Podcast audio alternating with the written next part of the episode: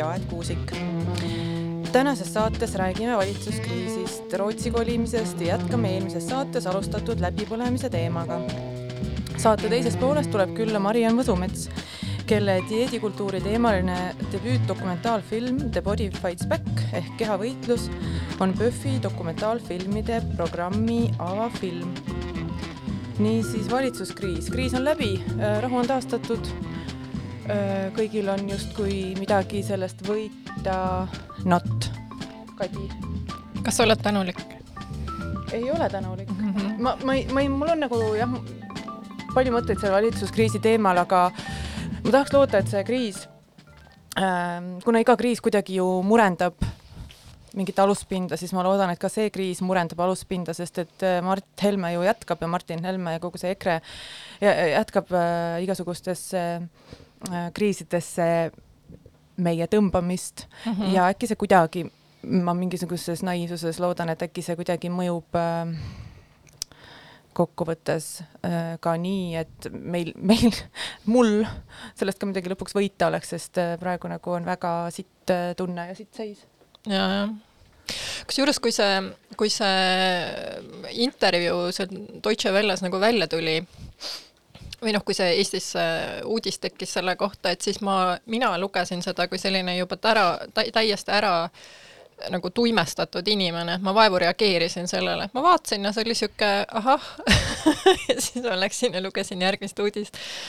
et mind tegelikult nagu see kriisi puhkemine üllatas mm., et, et see kuidagi äh,, mind ei üllatanud see, et see nagu uudiskünnis ületas, aga see, et et see kuidagi eskaleerus selliseks äh, siis noh, nii-öelda valitsuskriisiks, sest et mulle tundus see lihtsalt nii äh, tavapärane ja, ja selles mõttes ka selline tõesti nagu mingis mõttes äh, sisutühi võrreldes noh, reaalsete sammudega, mida erinevad valitsuserakonnad on teinud selleks, et näiteks äh, LGBT inimeste elu halvemaks teha et sa pead silmas no, seda no näiteks nimeseadus mm -hmm. või äh, sama referendumi mõte või siis äh, välisminister, kes äh, keeldub LGBT mingeid toetusavaldusi allkirjastamast, et Eesti jääb kogu aeg kõrvale sellistest algatustest, või äh, ma ei tea, rahvastikuminister, kes äh, arvab, et mõnelt äh, ühingult võiks raha ära võtta, meilt näiteks.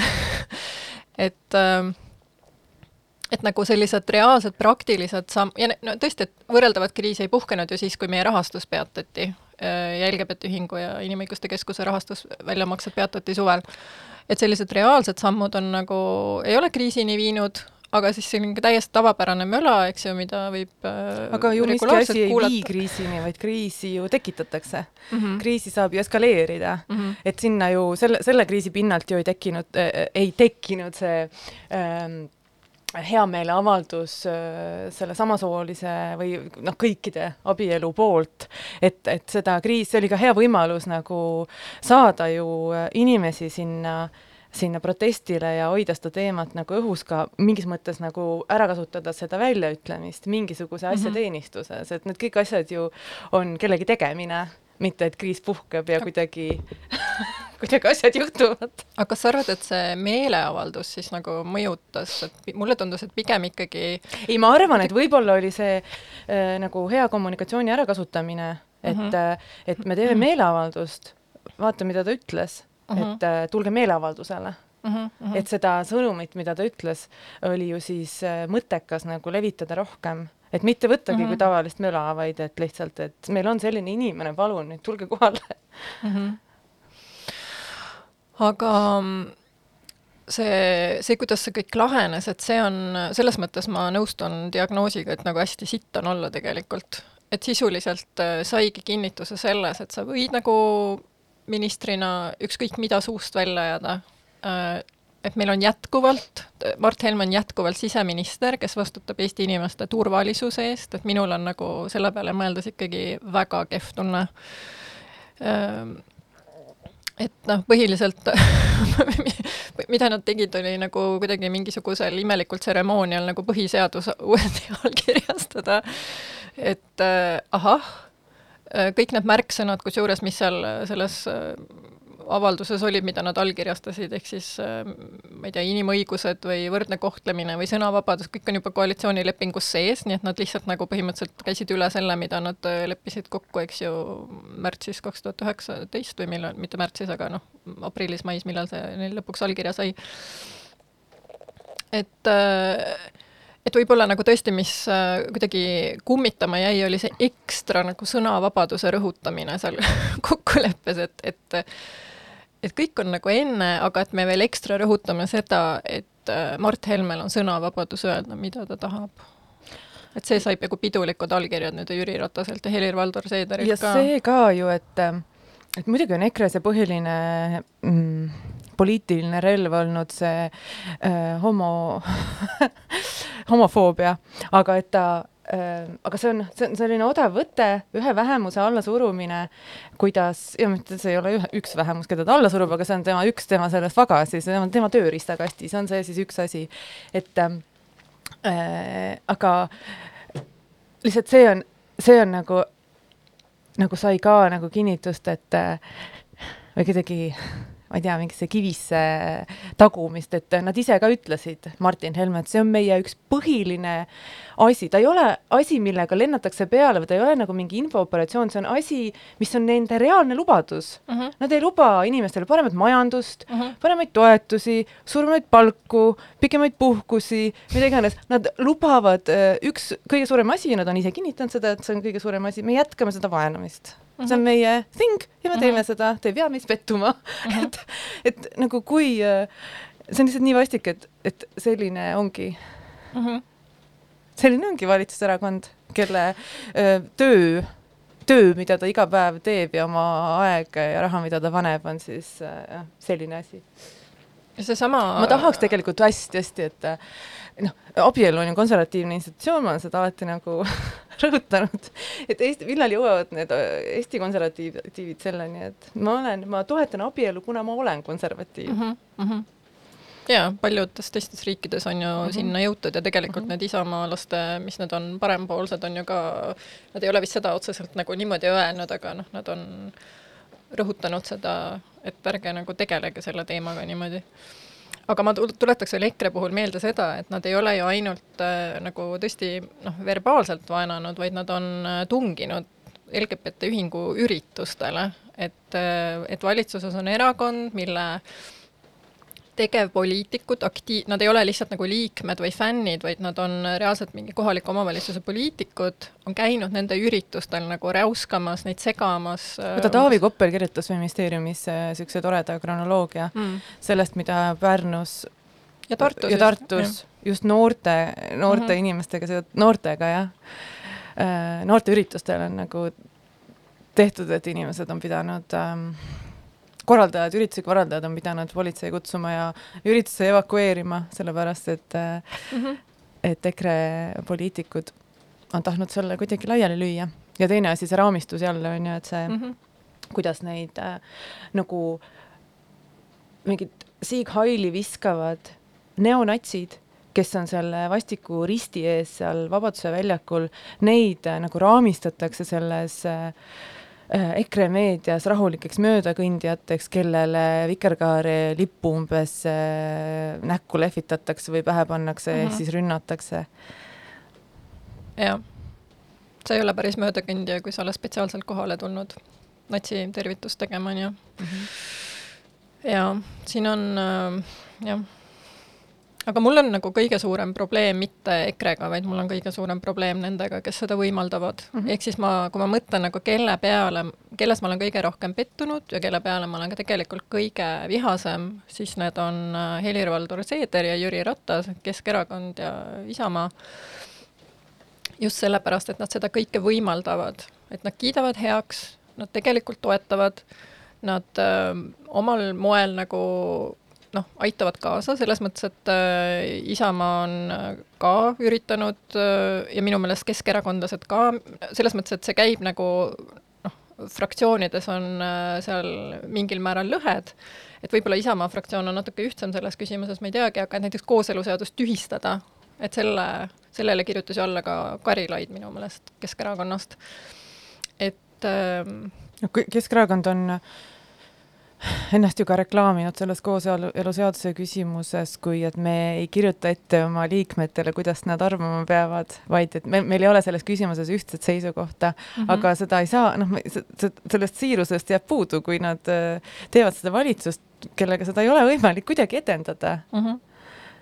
ja lihtsalt see, mul, mina olen ka, ma olen äh, noh EKRE nagu töötab Isamaa sõnumite heaks oma nende räpaste vahenditega, et Isamaal on EKRE-st ju väga palju tolku, kuna nende poliitika on uh -huh. üks, aga ma olen jah, tohutult pettunud selles Keskerakonnas või, või kuidagi äh, jah, sest et Keskerakond on teinud nagu näiteks, ma ei tea, ikkagi ka head poliitikat, et, et seda tulumaksusoodustust on väga paljudel inimestel vaja ja väga paljud inimesed on saanud sellest ikkagi nagu kasu, kaasa arvatud mina.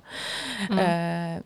mis puudutab just nagu seda vaesuse küsimust. Mm, -hmm. aga nüüd siis panna need, äh, siduda see mingisugune ähm, ennast, kes, kes peaks olema just nende kõige nõrgemate eest sellise marurahvusluse ja kiusamisega, see on lihtsalt, see ongi, noh, mul ei ole ma nagu tahaks kasutada samu sõnu, kui äh, mõni teine on öelnud, et Jüri Ratas näib, et ta nagu müüks ükskõik mida maha, et panna see, noh, et endal seda tooli säilitada, et see on nagu kohutavalt vastik.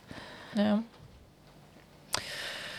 jah ma mõtlen ka, et see tõesti ei ole isegi enam oluline, et mis see nende tegelik motiiv on, et kas on nagu isiklik kasu, äh, kas see on, sest noh, tõesti väga palju raha läheb praegu laiali jagamiseks ja valimised on tulemas ja nii edasi, et see kasu võib seal nagu väga reaalne olla, mida nad taotlevad. või mingi siiras usk, et me taltsutame seda lohet, et me kuidagi äh,, sest ma arvan, neil alguses oli see äh,, et võttes EKRE valitsusse, et siis me kuidagi maandame nagu mingit sellist riski ühiskonnas et äh, nad ei topi seda džinni enam purki tagasi või pudelisse või? aga seal jääb see... nagu ikkagi puudu sellel Jüri Rattal, tal on nii lühike pilk, pilk nagu või vaade sellele asjale, sest me ju teame, et poliitikas on üles ja alla ühel mm. erakonnal ja ta nagu ta ju oma valijates või kes hakkasid juba nagu vaatama, umbes saama üle sellest, et Keskerakonnal on mingi tohutu korruptiivne taust ja nii edasi, nii edasi, et va-, et noh, et nad ongi nagu ikkagi võrdsusele orienteeritud ja et noh, et ma mm -hmm. võin kaaluda seda. et see on nüüd jälle see töö, mida nad tegid, see on nagu täiesti ära visatud mm. -hmm. jah aga ma mõtlen ka, et küsimus, et kas Ratas nagu mingid väärtused ohverdas, et äh, jaa, aga et ta tegi seda nagu kevadel kaks tuhat üheksateist, mitte, mitte nüüd et tegelikult see, mis praegu nagu järgnes, on lihtsalt äh, ma ei tea, see on nagu, see on nüüd tõesti nagu mingi live performance, mida me jälgime, mida isegi mille üle ei viitsi nagu enam erutada mitte, et ei viitsi, vaid oled nii kuidagi tuimestatud, et ei äh, ei lähe käima nagu mingi sellise Rootsi, sõnavara peale. Rootsi plaani nagu kolida sina ma ei ole seda endale nagu jah, veel äh, kuidagi seadnud mm -hmm. mingisuguseks eesmärgiks ära kolida. ma olen korra elus kolinud Rootsi. ma olen seal hästi pikalt elanud ja tähendab, kui ma kuskile koliksin, ma Rootsi koliks ma tahtsin ka öelda, et, et see ei ole minu esimeses nagu selles mõttes, et mul on nagu Rootsist head mälestused, et, et mul on Rootsiga väga lähedane side ja nii edasi. ja noh, mu, mu see päritolupere ju elab kõik seal, et ma käin seal regulaarselt ja olen seal, aga et et mulle meeldib äh, Eestis vaatamata kõigele, ma nagu nimelt, ma ei tea, ma ei ei taha siit kuskile ära minna, et ma ei tea jah, et see, see aeg-ajalt ärakäimine kuskil ja elamine ühes või teises riigis, et see on ähm, see on muidugi, on see värskendav ja tervitatav ja sa leiad nii palju uusi kontakte ja sõpru ja see on lihtsalt äh, väga tore, aga see ähm, ma ei tea, minu jaoks ei ole oluline tingimata elada välismaal või et ma tahan siit Eestist ära, ma tahan kuskile välismaale, et see, see ei ole mingi küsimus, mille üle ma nagu väga vaagin, ma tahan mm -hmm. kuskil nagu elada, teha oma tööd ja ma ei tea, püüda nagu anda endast nagu midagi selle ühiskonna heaks Mm -hmm. et ma tean küll palju inimesi, kes ütlevad, et ma ei saa siin Eestis hakkama, sest siin on nii, ma ei tea, kuidagi äh, vihma sajab praegu ka mingi õudselt negatiivne kõik, et ja see ikkagi äh, on seotud äh, minu enda vaimse tervisega, et kas ma saan siin hakkama või mitte, muidugi see on seotud ka valitsuse tööga, aga aga ma ei tea. Need ei ole, nagu need otsused ei ole minu jaoks nii üheülbalised, et ma nüüd nagu that's it, I m telling mom ja lähen minema, onju. okei okay., aga mängime loo vahepeal. mängime jah. mängime selle... roots, ühe rootslase loo oh, see... mängime homoloo Beatrice Eeli. see on tore, tema on tore jah 그렇죠?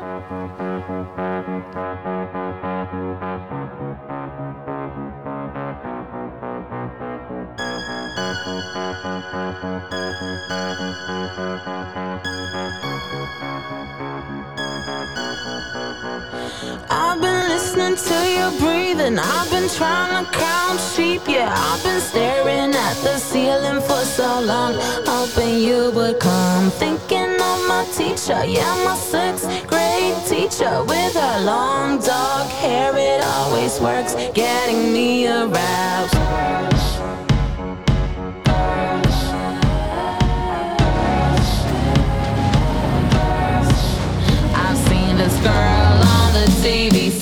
Girl in the mall. I see pictures in my head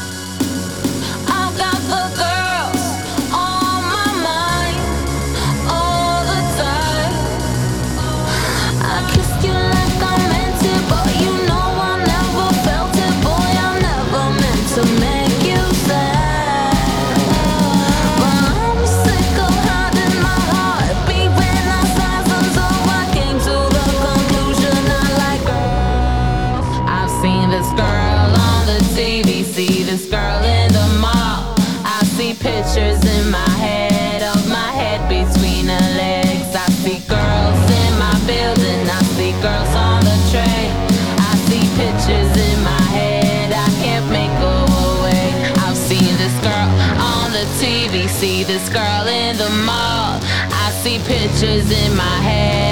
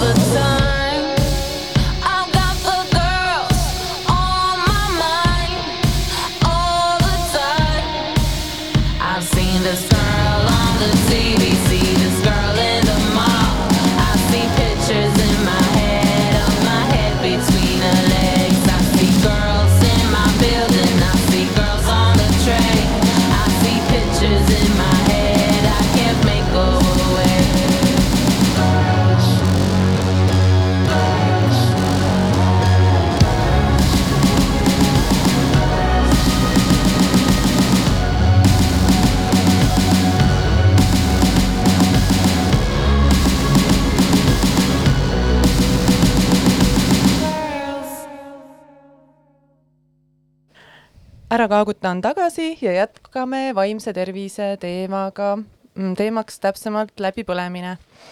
kuidas sa, Kadi, tunned ennast seoses selle kriisiga, mis nüüd just äh, on äh, saanud, äh, ma ei tea, selleks korraks lõppu, kuidas see on mõjunud su vaimsele tervisele? no selles mõttes ta hästi ei mõju, et minu, mu perekond ei kvalifitseeru ka päris traditsiooniliseks, et ütleme, et igasugused sellised arutelud ühiskonnas ei suurenda just võib-olla minu isiklikku turvatunnet ja, ja minu sellist noh, selles mõttes tõesti, et, et reaalselt sellised sõnad viivad ju tegudeni, et, et LGBT ühingu juht ka rääkis, et kuidas neil on rohkem probleeme mingi varavastaste kuritegudega ja vaenukuritegudega ja nii edasi. aga et üldiselt kogu selle fooni taustal, mis viimased, noh, ise viimased poolteist aastat, milles ma elanud olen, et ausalt öeldes väga palju nagu ei muutnud. et, et ma ei saa öelda, et mul nagu täna on halvem, kui mul oli näide nädal aega tagasi näiteks, et aga tead, et see nagu... tui-, tuimestumine mm -hmm. või see, et sa ei saa aru, mida sa tunned, on üks läbipõlemise sümptomitest mm.. Mm -hmm.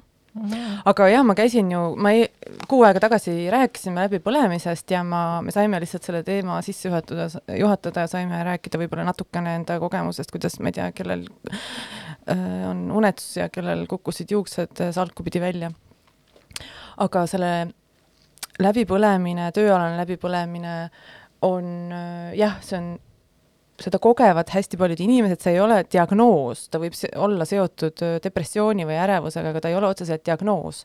aga ta on nagu asi, mida, mis puudutab väga paljusid ja see mm -hmm. puudutab ikkagi väga paljusid aktiviste ka või inimesi, kes tegelevad mingi selle sotsiaalse õigluse teemaga, sest et see aktivism või sotsiaalse õigluse liikumine, ta vajab nagu pidevat panust, ta vajab pidevat tööd, ta vajab seda pikka pilti, aga samas on see tunne, et tahaks ju kohe ära lahendada selle mingi akuutse mm -hmm. probleemi ja see tekitab täpselt sama samamoodi selle perfe-, perfektsionismi tunde, et ma, et noh, et kuidas keegi saab nii teha, on ju, nii halvasti või kuidas keegi saab nii äh, vale plakatiga tulla meeleavaldusele jah, see võib olla üks asi, aga kuidas keegi saab äh, äh, nagu nii halvasti käituda mingisuguse grupiga, et ma olen siin, ma, ma mm., mul on võimalus selle vastu nagu seista, aga see asi nagu äh, noh, ei ole nii lihtne, et need mm -hmm. protsessid on seotud ja need on pikka aega kestvad ja liikumise töö öö, sa ei saa midagi teha lühikese ajaga mm -hmm, ja nagu mm -hmm. läbipõlemise vältimiseks ongi oluline endale teadvustada seda, mida ma seal koolitusel õppisin, et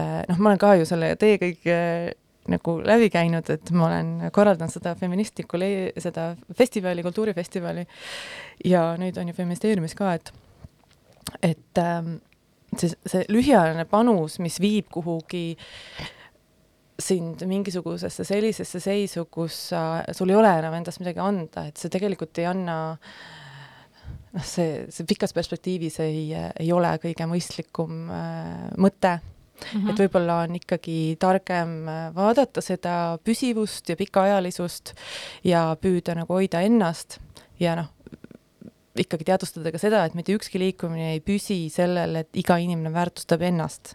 et liikumine püsib sellel, et me kõik väärtustame nagu kõiki seal liikumise või organisatsiooni või mingisuguse mm -hmm. grupi sees mm. -hmm. et see on ikkagi, ma ise olen oluline, aga ka see grupi nagu tervis on oluline mm. -hmm. aga mis seal äh, koolitusel äh, või sellisel jah, workshopil nagu veel räägiti, oligi oligi see, et hästi tuleb tähele pan-, panna su käitumise muutumist, et mis juhtub unega, mis juhtub isuga, mis juhtub sellega, et sa nagu, kuidas su äh, meeleolu kõigub näiteks või noh, kuidas mhm. sa teistesse suhtud, et sa võib-olla suhtud kuidagi negatiivselt või agressiivselt oma kolleegidesse, kes ma ei tea, võib-olla ei ole nii efektiivsed või kuidagi või, või lähedastesse vanematesse, kellesse sa võib-olla ei taha, on ju, halvasti suhtuda või mitte halvasti või kuidagi sa, sa ei taha nagu paukuda nende peale, aga sa nagu hakkad, on ju, seda tegema.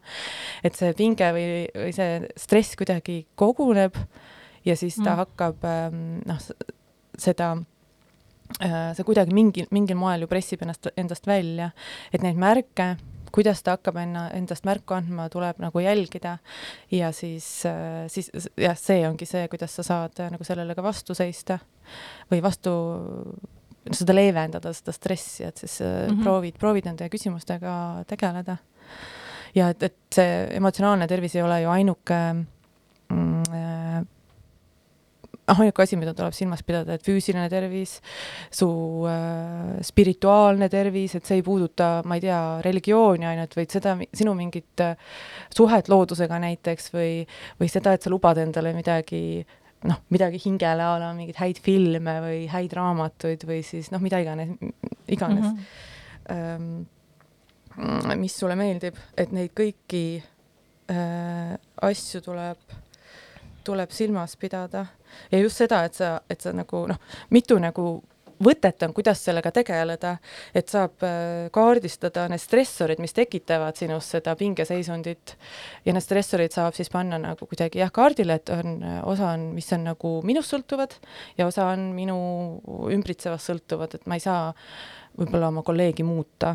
Mm, -hmm. aga siis ma ei tegele nendega, mida ma muuta ei saa, aga ma saan nagu tegeleda nendega, mis äh, Äh, noh, näiteks, et mind ajab hullult närvi, et ma kogu aeg pean õhtuti töötama, aga kuidas ma siis tegelen selle küsimusega, et ma õhtuti pean töötama, et ma pean siis seda ütlema, et ma ei saa töötada õhtuti, et noh, et kollektiivis või kuskil. et, et need on sellised äh, ähm, jah, sellised sammud, mida saab astuda ja ikkagi see ähm, teadvustamine, et see töö on raske ja et selle vaimse tervise hoidmisega tuleb nagu reaalselt tegeleda mm. -hmm no minu jaoks vaimne ja füüsiline on üks, et ma mm -hmm. isegi ei suuda neid väga eristada, et mul see ongi õudselt kohutavalt vale minu meelest ka, kui seda ja. üldse eristada, et see on nagu, see on viga nagu tervisekäsitluses mm. minu jaoks ka. jah, sest ma märkan äh, jah, kuidas üks nagu äh, ilmingud, noh, et kui mul on halb tuju, et siis mul hakkab ka kuskilt valutama ja vastupidi, et kui mul on, ma ei tea, kehaliselt näiteks väga hea olla, et siis mul on ju ka üldiselt hea tuju, et need on, need on nagu üks ja sama kuidagi. Minu, minu iseenesest läbipõlemise probleem jääb nagu hoopis teise aega, et see ei ole aktivismiga seotud, et see oli tegelikult väikeste lastega seotud, et et mul olid äh, mingi töö ja oli magister, mida ma tegin Rootsis ja siis olid väiksed lapsed ja kõik need nagu eraldi olid head, aga kokku oli see nagu katastroof, et noh, lapsed olid kogu aeg haiged ka, mul oli mingi hoidmise probleem, et lihtsalt äh, tõesti mulle objektiivselt oligi nagu hästi-hästi raske.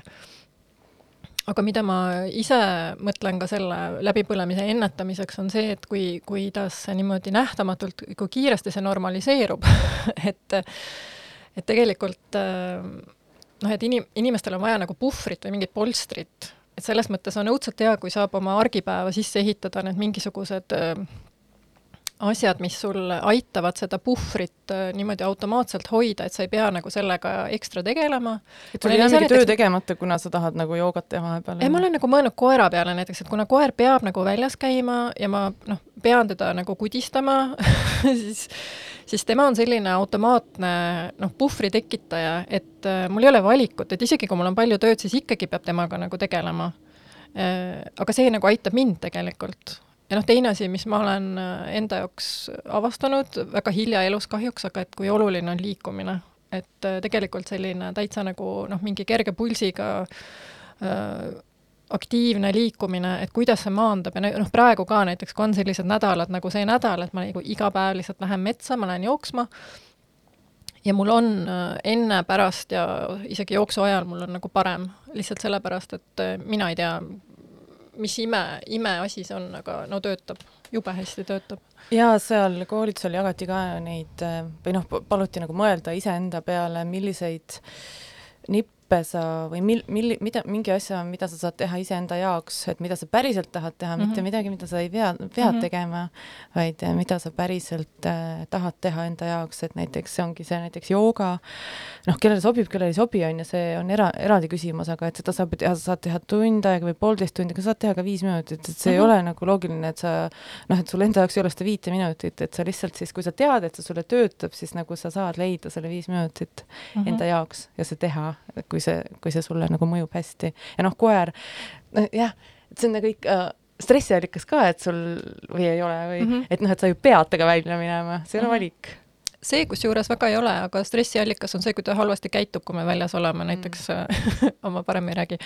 aga et et ta ei ole nagu ideaalkoer alati võib-olla ehm, aga ma, ma arvan, ma toetan hästi palju seda, et, et leida neid asju, mis nagu tegel-, nagu rõõmu pakuvad ja mis sellist mingit kasvuvõimalust pakuvad, et et vaat, ma mõtlen ka, et sellises läbipõlemise järgses äh, olukorras või selle keskel olles eriti, aga et on hästi hästi lihtne äh, nagu öelda ei väljakutsetele ja kuidagi noh, valida see turvaline, tuttav, see mida ma oskan ja tean, mis on lihtne selline tehtav ülesanne, ma tean, ma saan sellega hakkama, aga et kui on mingi selline, ma ei tea, põnev äh, lahtiste otstega, küsimärkidega nagu väljakutse, et siis ma võib-olla ei julge seda vastu võtta, sest et sellega võib kaasneda nagu palju määramatust ja ma ei tea mida. et selles mõttes ma arvan, et nagu noh, elus peab valikuid tehes ka lähtuma sellest, et mis sulle rõõmu pakuvad ja mis nagu, mis sellist kasvuvõimalust nagu pakuvad mingis mõttes. aga teine või kolmas või neljas, ma ei tea, mitmendini ma olen jõudnud, äh, asi on ka see, et ikkagi tõesti tähelepanelikult planeerida mingit õhku oma asjade vahel, et, et sul on see taastumise aeg, et nagu mul on, ma olen võimeline väga intensiivset tööd tegema mingi periood, mul ju need missioonid, kus ma käin, kus ma käin, ma olen vist maininud, aga et need on tavaliselt nagu üli, üliintensiivsed, et sellest hetkest, kui ma lennuki peal istun ja siis kaks kuud hiljem maandun, ma põhimõtteliselt nagu nonstop tööl, et seal on hästi-hästi vähe seda nagu taastumise aega, aga siis ma planeeringi pärast, et näiteks mul on, kui ma tulen, siis ma nädal aega nagu ma ei tee mitte kui midagi. ma rääkisin ühe Norra kolleegiga, kes ütles, et tema ei paki isegi oma kohvrit lahti nagu esimese kahe nädala jooksul, et ta lihtsalt nagu on ja ma arvan, see on hästi oluline, et sa saad seda hingetõmbeaega ja siis sa saad nagu nii-öelda lehte keerata ja oma järgmise eluga alustada või etapiga alustada. aga see toob jälle ikkagi ju selle teema juurde, et palju see ühiskond toetab ühiskond, kus me elame, et sa saad teha nagu seda valikut, on ju, et ma tulen sealt lennukist maha ja kohvrit läb, lahti ja. ei paku ja kaks nädalat paki ja kaks nädalat olen, on ju, vaatan sarju ja jalutan ja. looduses, aga kes on need inimesed, kui palju neid inimesi on, kes, kel neid, seda valikut ei ole, neil ei ole, nad on orav, orav rattas, miinimumpalk, et lihtsalt noh. jaa, muidugi, muidugi, absoluutselt.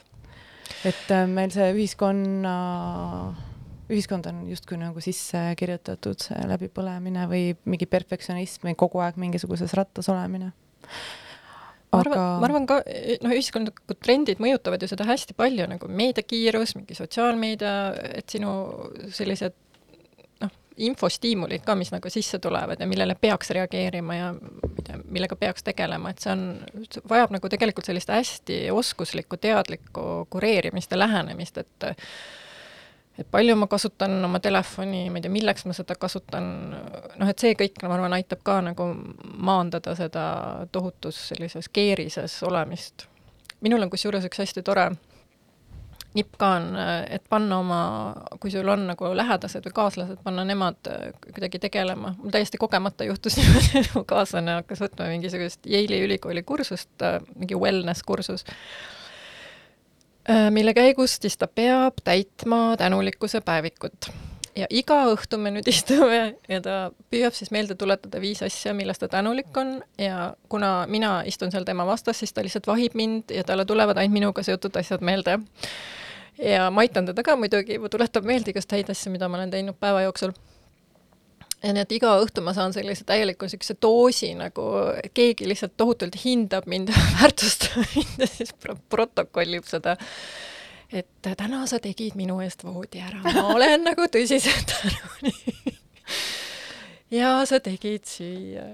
kostub nagu ma teeksin kogu seda koduteenindust, mis päris nii ei ole, aga ühesõnaga, see on nagu ülihästi, ta on nii hästi minu vaimsele tervisele, ma ütlen nagu go on, nagu te ole tänulik, täida oma päevikut ülejäänud elu, et see nagu parandab minu elukvaliteeti. ise ma ei viitsi seda teha. Rõõm kuulda, tead mind, mind ka need selline vaat-, selline nagu lähenemine, kus mulle antakse ma ei tea, terapeudi poolt mingisugused päeviku täitmise ülesanded, et need, need suurendavad mu stressi, mitte ei vähenda mm. seda, et mulle, mulle sobib selline psühhoanalüütilisem lähenemine rohkem.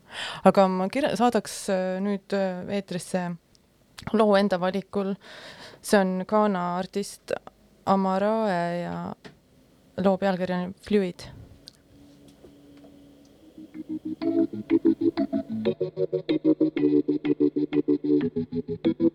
so fluid, fluid,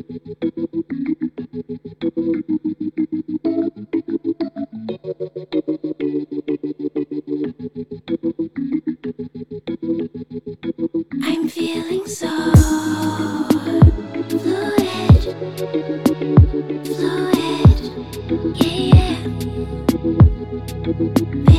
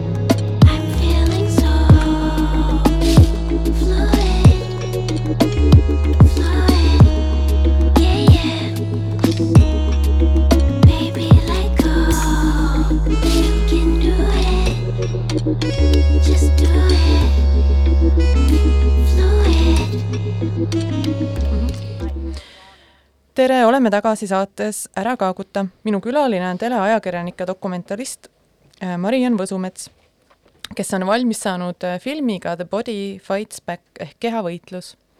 tere, Mariann! tere, aitäh kutsumast! Ähm, film esilinastub PÖFFi dokumentaalfilmide programmis kolme, kolme, kolmeteistkümnendal novembril ja PÖFFi piletid tulevad müüki viiendal novem-, novembril mille pärast ma seda reklaamin, on see, et mina olen seda filmi näinud ühel äh, privaatsel proovilinastusel, et seda ei olegi, kui Kadi, sa ütlesid, et sa küll ei ole filmi näinud, siis seda filmi ei olegi võimalik äh, näha olnud, et see, see ei ole esilinastunud ja ma olen ikka täitsa arust ära, sest selles filmis oli äh, väga palju seda, mis mulle väga meeldis. et ma olen sellist ra radikaalset kehapositiivsust näinud äh, kajastatavat ainult kuskil Instagrami ja Tumbli, Tumblri mingites salasfäärides, aga mitte kunagi suurel ekraanil või laiemas diskursuses. ja noh, Eestis üldse mitte, kuigi jah, see film on ju ka tehtud Inglismaal, et äh, aga ta puudutab, äh, see kehapositiivsus ja dieedikultuur puudutab ma julgeks öelda, et nagu kõike, kõiki, kes elavad kõike kõigi, kes elavad. kes elavad, elavad, punkt. ja ma just, just eile vaatasin kuskil kassasabas seistes naiste ajakirjade esikaasi ja, ja isegi äh, sellel seenioridele suunatud ajakirja Tiiu üks esikaane teema oli see, kuidas kümnekilone kaalulangus voolis välja talje no.. et selle dieedikultuuri eest ei tundu tõesti keegi kaitstud olevat aga Marianni, tore, et sa tulid meile saatesse. kus sa, kus sa, kus sa said selle idee fil-, seda filmi teha ja, ja kas sa lähenesidki dieedikultuuri kaudu või, või miks see teema? no väga tore on muidugi sellist positiivset vastukaja kuulda äh, ikkagi sellise austusväärse organisatsiooni esindajalt, et, et selles mõttes radikaalne keha positiivsus on, on jah, ja, ja, ja sellest keha positiivsusest ma võib-olla nagu laiendaks natuke, et, et üleüldse selline radikaalne empaatia on võib-olla see, mis oli minu kuklas, kui ma seda filmi tegin ja kui ma ühel hetkel sain nagu lõpuks aru päriselt, millest see, millest see film on. Ja ja tõsi on see, et Eestis sellist filmi teha ei oleks lihtsalt äh, võimalik ja punkt, alustuseks juba sellepärast, et meil on ühiskonnas ikkagi piisavalt palju, kui et mitte öelda liiga palju äh, valehäbi äh, kehaga seotud teemadel, kehadega seotud teemadel, iseenda äh, motivatsiooni teemal ka, mis ja, ja kui ma ütlen motivatsioon, ma mõtlen seda motivatsiooni, mis paneb meid ennast, ennast piitsutama, kui me, kui me seame nagu sellise füüsilise ja vaim-, ütleme sellise füüsilise konkreetse kuvandi endale nagu eesmärgiks, et seda valehäbi on siin ühiskonnas lihtsalt nii tohutult palju ja me ei ole individuaalsel tasandil seda enda jaoks lahti pakkinud niimoodi, et me suudaks sellest rääkida. Näiteks nii, nagu need tegelased seal filmis, keda noh ma, ma usun, et sa jagad seda arvamust, olles seda filmi näinud, et, et sa suudad iseenda kogemuse panna sellisesse konteksti ja enda kõige mingisuguseid sügavamaid hirme nagu niimoodi adresseerida ja suuda lei-, suuta leida see põhjus, mis sind siis pani nagu enda tegevust niimoodi kontrollima, et mille üle sul siis tu-, tundus, et kontrolli polnud ja, ja kuidas sa seda ärevust nagu rakendasid, võib-olla ma natuke nagu valgun juba sellega laiali, aga selles mõttes see on kõik väga konkreetselt seotud sellega kui meil tekivad kinnisideed toitumise, treeningu ja omaenda keha muutmise teemal, seal on alati ärevuse komponent, seal on alati häbi äh, komponent ja seal on alati selline alaväärsustunne, äh, meeldib see meile või mitte, ma ütlen iseenda puhul ka, olles, olles äh, oma äh, minevikus ka olnud äh, selliste kinnisideedega maadelnud päris tugevalt, seal on alati häbi ja alaväärsuse ja, ja iseenda mitte piisavaks pidamise komponent sees. ma ei tea, kuidas Eestis osatakse seda mm, sellele nagu läheneda veel ka professionaalsel tasandil, sest ma olen ise ka inimene, kellel on äh, ajalugu toitumishäirega ja kui ma äh, ja ma olen see inimene ka, kes on endale tohutult sotsialisee-, nagu jah, kes on ennast sotsialiseerinud või mind on sotsialiseeritud niimoodi, et ma olen see hakkamasaaja ja mul ei ole, mul ei ole ka kedagi, aga ma ka pean saama, et mis, mis seal siis ära ei ole, et ma ei saa.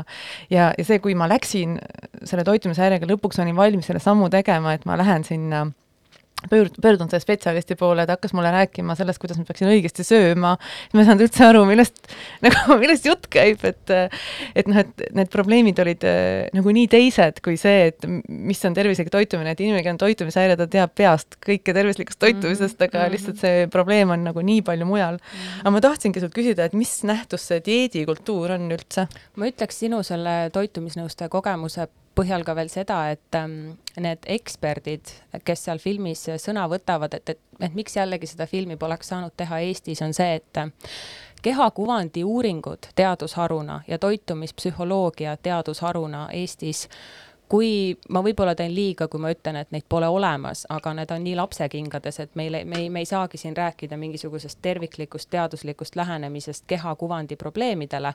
samas kui äh, Suurbritannias on ülikoolide juures äh, eraldi äh, keskused, näiteks Bristoli ülikooli juures on kehakuvandi uurimise keskus äh,, mille üks siis äh, nii-öelda uurijatest ja, ja, ja teadlastest ka seal filmis räägib, kusjuures need teadlased, kui me ette kujutame, need ei ole sellised kitlites viiekümneaastased mehed, mitte et neil midagi viga oleks, aga need on noh, ikkagi ütleme selline generatsioon Y, generatsioon Z, tähendab Z ja X ja mitte Y. ja üks asi, mis mulle seal ja. filmis väga meeldis, oli ka äh, meeste kujutamine, sest mm. nii normaalsed mehed mm, on normaalsed mehed, on ju, mehed, kes räägivad sulle, et feminism on kõigile ja mehed, kes, äh, ma räägin, noh, selles mõttes ma, ma, ma ei tahaks nüüd kolmandat korda enam öelda, et seda filmi poleks saanud Eestis teha, aga, aga kahjuks nii see on. ja, ja selles mõttes on jah, et, et Eestis võib küll juhtuda nii, et sa lähed toitumis, ma ei tea, kas meil üldse on mõni psühholoog, aga sa lähed mingi toitumisnõustaja juurde, sulle hakatakse rääkima sellest, et, et õun on sulle hea. et ma ei, ma tahaks, et me sellest mingisugusest stagnatsioonist saaks edasi liikuda, et see asi on nii palju komplekssem jah, aga äh, ikkagi, mis asi on dieedikultuur, kas sa said sellele küsimusele vastuse või kas see, see film räägib dieedikultuurist, kuivõrd kõikehõlmav see on mm.? dieedikultuur on naljakas selles mõttes, et inglise keeles ta on hästi loogiline, kui me ütleme diet culture, siis me räägime tegelikult dieedimentaliteedist mm. -hmm. Eesti keeles me kasutame sõna kultuur enamasti kontekstist, kui me räägime teatrist, muusikast ja filharmooniast, me ei, me ei ole harjunud nagu mõtlema, et noh, tähendab, me teame küll, et kultuur on meie käitumiste, tavade ja kommete kogum, aga dieedikultuurist rääkides on ikkagi see, et, et mis, mida helli, on ju. pigem on see dieedi mentaliteet mm, -hmm. et me just filmi tõlkijaga mõtlesime ka, et mis me sinna subtiitritesse siis paneme, et see dieedikultuur, rääkimata kogu muust sõnavarast, mida eesti keeles me, ma, kujutan ette, tekitame või, või üritame luua selle filmiga veel. aga dieedimentaliteet on ja selle filmi kontekstis ka me vaatame, kuidasmoodi ühiskondlikud standardid ja iluideaalid, kuidasmoodi need mõjutavad seda, kuidasmoodi see üksik inimene siis lõpuks oma kas või toidupoest käigul mingisuguseid valikuid langetab, kui palju see seda mõjutab, kui palju me seda teadvustame, et need normid seda tegelikult kõike dikteerivad kuni selleni välja, et me ühel hetkel lähemegi seda teed, et me kaalume iga oma toidukorra üle ja sisestame selle mingisugusesse äppi ja arvame, et see on, et see ongi tervis. see ei ole tervis, see on äh, kiirtee kinnisideede ja iseenda isoleerimiseni mm. -hmm ja üks äh, filmi äh, tegelane ütleski väga olulise lause, minu arust oli see see ma ei mäleta, kes see oli, see oli see vist, kellel oli, äh, kes nagu, kellel oli nagu väga-väga ränk anoreksia. jaa, Hanna äh, ja, ja noh, ja need tegelased, nad on nagu nii säravad seal filmis ja nad on nagu nii naljakad või või neil on nii hea huumorimeel ja see kõik, mida nad on läbi elanud, seda on lihtsalt nii nauditav vaadata, et ma soovitan kõigil seda filmi vaatama minna. aga ta ta ütles äh, jah, selle lause, et, et kui inimene jõuab milleni, millegi selliseni, sellis-, selliseni, mis on äh, nagu anoreksia, siis see ei ole seotud toiduga, et see on märk, et midagi on äh, fundamentaalselt valesti. aga mis see on siis, mis on ühiskonnas valesti, et, äh, et see dieedikultuur on nii kõikehõlmav, et me tõesti, nagu sa ütlesid, väärkohtleme ennast üle ja alasöömisega ja ei tunne ennast oma kehas ega iseendana hästi ja ka üksteist. Väga-väga mm, levinud on ju eriti noorte seas äh, koolikiusamise vorm, kus noh, öeldakse sinu keha põhjal solvanguid, kas sa oled mm. liiga paks või sa oled liiga peenike või sa, või sa oled mis iganes, rääkimata nahavärvist, et ähm, äh, inimesed süüdistavad ise ennast oma keha pärast, nende väärtus äh, kuidagi on väiksem sellepärast, milline on nagu nende keha, et miks sellest kehast ja väljanägemisest ja sellest wellness'ist, mis peaks olema nagu heaoluallikas, on saanud midagi, mis on nagu tohutult pööra, pöördunud selliseks iseenda hävituslikuks liikumiseks. see on sellepärast, ma nüüd võtan sellise väga manifestatiivse õiguse endale öelda, miks see nii on ja see on sellepärast, et välimus on äh, sotsiaalne valuuta. Äh, välimuse vastu me saame vahetada, kui me suhtume välimusse kui kaupa. Äh, kehakuvand otseselt ongi ju meie välimus me saame selle vastu vahetada või see võimaldab meil saada parema töökoha, meid koheldakse paremini, meisse suhtutakse paremini ja see fatphobia, millest ka filmis on palju juttu, millest see ju tegelikult tuleb, on see, et me näeme, et pakse inimesi koheldakse halvasti, kui ma ütlen paks, ma ei mõtle seda sõimusõnana, ma mõtlen seda omadussõnana. Ehm, ja nii see peakski olema, me ei pea ütlema inimestele asju stiilis, et oi, sa ei ole paks, sa oled ilus mm, -hmm. et üks ei välista teist, on ju Ehm, see on see sotsiaalne valuuta, me näeme, et pakse inimesi koheldakse halvasti, mistõttu meis tekib hirm, me ei taha olla need inimesed. ja hästi mugav on lükata see nagu sellise tervislikkuse vaiba alla, et oi, ma tegelikult tahan olla lihtsalt tervislik, aga haruta oma peas tegelikult lahti, kui palju sa tegelikult oled motiveeritud sellest, et kui sa arvad, et sa näed teatud viisil välja, siis sa hakkad saavutama asju, mida sa praegu ei suuda saavutada. ja kas see on realistlik, kas see on tegelikult kinni su välimuses või milles see on ja, ja selles, kuidas me ühiskonnana kohtleme inimesi, kes vastavad rohkem iluideaalidele äh, versus neid, kes, kes nendele ei vasta mitte. ja, ja, ja see, kui sa küsisid jah, esimese küsimusena, et, et, et, et midagi on fundamentaalselt valesti, siis seesama tegelane Hanna, kes on kahekümne kuue aastane tütarlaps, kes seitse aastat oma elust võitles anoreksiaga, millest kaks oli ta ka haiglas äh, siis äh, nii-öelda sees arvel. Tema ema räägib ka seal filmis ja, ja nad mõlemad nagu nõustuvad tagasivaates sellega, et et kui sind üritatakse vägisi välja tuua sellest anoreksiast, siis see ainult ju süvendab seda ja samamoodi, kui neil olidki seal konfliktid teemal, et söö see lauatäis nüüd tühjaks, et see lükkab sind aina tugevamini sinna sellesse haigusesse sisse.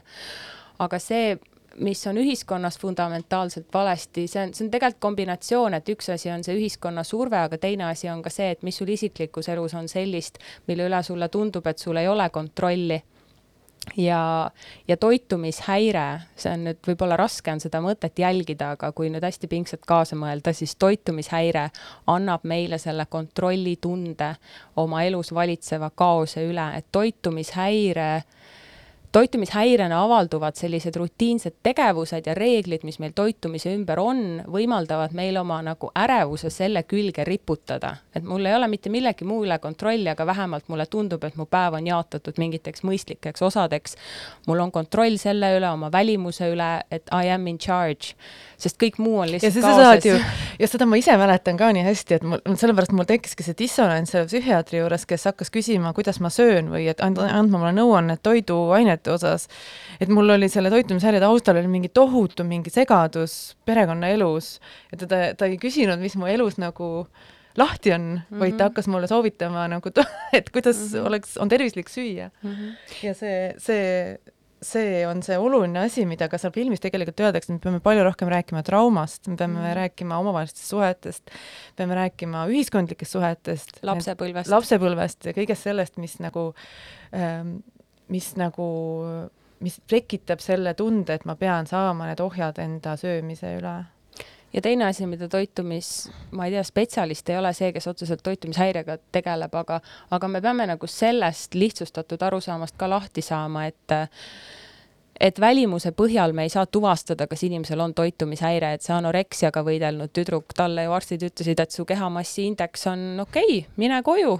Äh, samamoodi võib anoreksia olla inimesel, kellele me vaatame peale ja ütleme, et ta on ülekaaluline, tal võib ka olla anoreksia, inimene, kes on alakaaluline tal ei, ei, väga harva küll, aga tal ei pruugi olla üldse toitumishäiret, ja ja, ja ütleme, et noh, selle filmi taustal, et ega, ega igal inimesel maailmas ka ei ole neid probleeme, aga lihtsalt see, et, et me ei saa nagu välimuse ja kehamassi indeks on üldse väga arbitraarne äh, suurus, mille põhjal me tahame nagu suruda inimesi kastidesse, et kuule, sul on kõik hästi, et sul pikkus ja kaal on nagu okei okay,, silmanägemine on ka hea, et mine koju.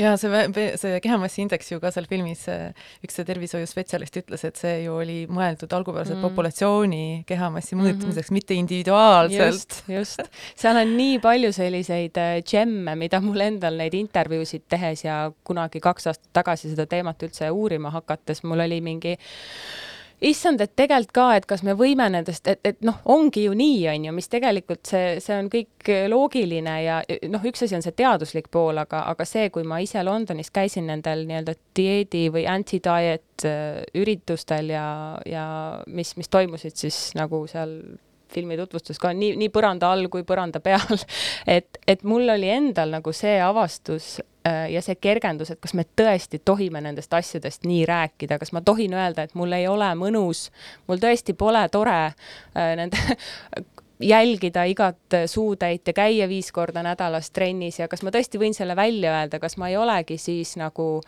kas ma ei olegi siis nagu kuidagi tervisevastane või mingisugune halb inimene, halb inimene, et kuidas ebamoraalne.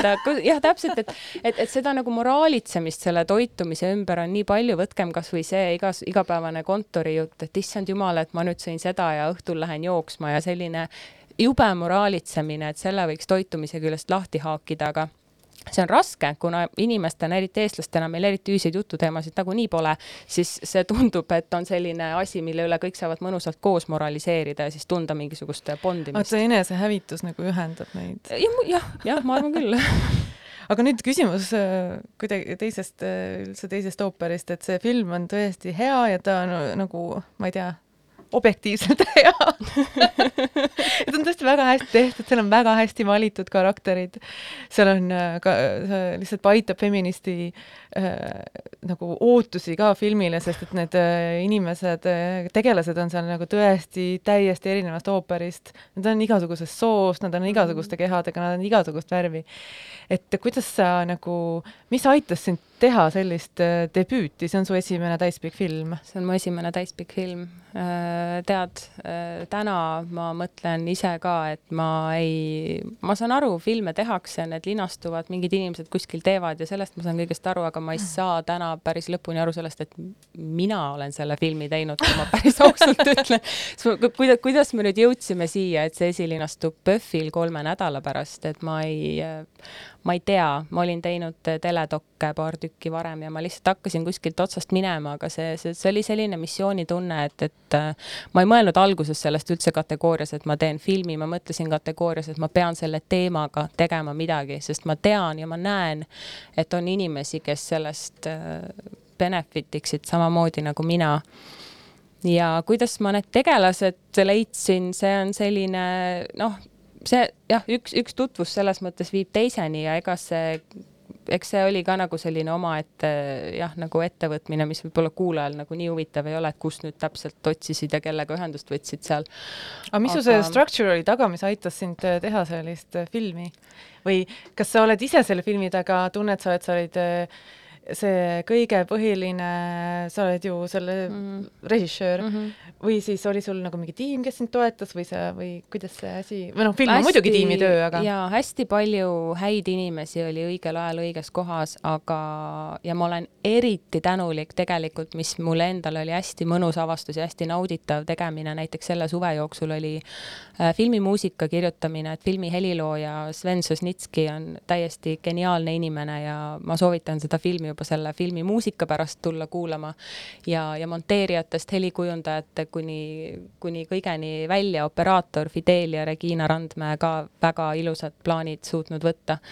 Selles mõttes jaa, tiim oli muidugi äh,, aga, aga, aga ma ütlen ausalt, et selle filmi tegemise kahe aasta jooksul oli neid momente, kus ma tundsin, et ma olen selles äh, jamas, millest ma tol hetkel sotti veel ei osanud saada või, või kuidagi loogiliselt seda enda jaoks ära mõtestada, ma, ma tundsin tihemini, kui ma oleks tahtnud, et ma olen seda tehes tegelikult selles mõttes äh, äh, üksi, et, et see on niisugune ühe, ühe naise produktsioonifirma ja, ja, ja täna ongi niimoodi, et kuni mingisuguse filmi tehnilise asjani kuni kuni, kuni ütleme, režii, produktsioon ja kõik, et ma kindlasti ei taha teha oma elus enam mitte ühtegi filmi, kus ma olen ise nii produtsent kui režissöör. kui lõpuks ka siis ütleme, heli miksija võib-olla pikemat aega, kui ma seda nagu tahaks olla heli, helirežissööri kõrval, et, et selles mõttes oli see ilge ettevõtmine, aga ka paras, paras filmikool mm. -hmm. väga tore, et said tulla Äh, keelitan, kannustan kõiki kinno minema. Ja ega muud ei olegi saate lõppu, kui äh, sa võiksid mängida meile mm, või tutvustada seda lugu, mis sa tahtsid äh, lõppu mängida, see oli Kate Nashi Agenda, miks sa selle valisid? Kate Nashi Agenda, Kate Nash on üks ägedamaid Briti artiste ja minu meelest üks ebaõiglasemalt palju nagu alahinnatud artiste ka, et selles mõttes ta oleks võinud, ta on juba üle kümne aasta kõvasti tegutsenud, oleks võinud jõuda palju kaugemale kui, kui ainult võib-olla Suurbritannia, et tal nagu see reach oleks potentsiaalselt võinud minu meelest olla palju suurem, aga see konkreetne lugu on mm, kui neid sõnu kuulata, haakub väga hästi selle filmi teemaga ja ta on selline mõnus, ma arvan, niisugune kiksi ja reede pärastlõunasse, et kuidagi nädalavahetus ka nagu vihaselt, aga, aga rõõmsalt käima tõmmata. aitäh sulle, aitäh, head kuulajad, aitäh, halvad kuulajad. Keit Nash. Let it, hey you, let it, hey you, let it, hey you. Let it all hang out. Take a look in the mirror and open your mouth. You got a tongue, let the words roll out now. Shh, nowhere to take it back. Cause you're a dick and you're talking crap. And I don't wanna hear ignorance like that. You wishing it was pre 73, so it was easy for you to suppress me. There's people marching in the streets. Look what we made from just one tweet. But I don't give a fuck about your agenda. I don't give a fuck about your agenda. I don't give a fuck about your agenda. I don't give a about your agenda. I don't give a about your agenda.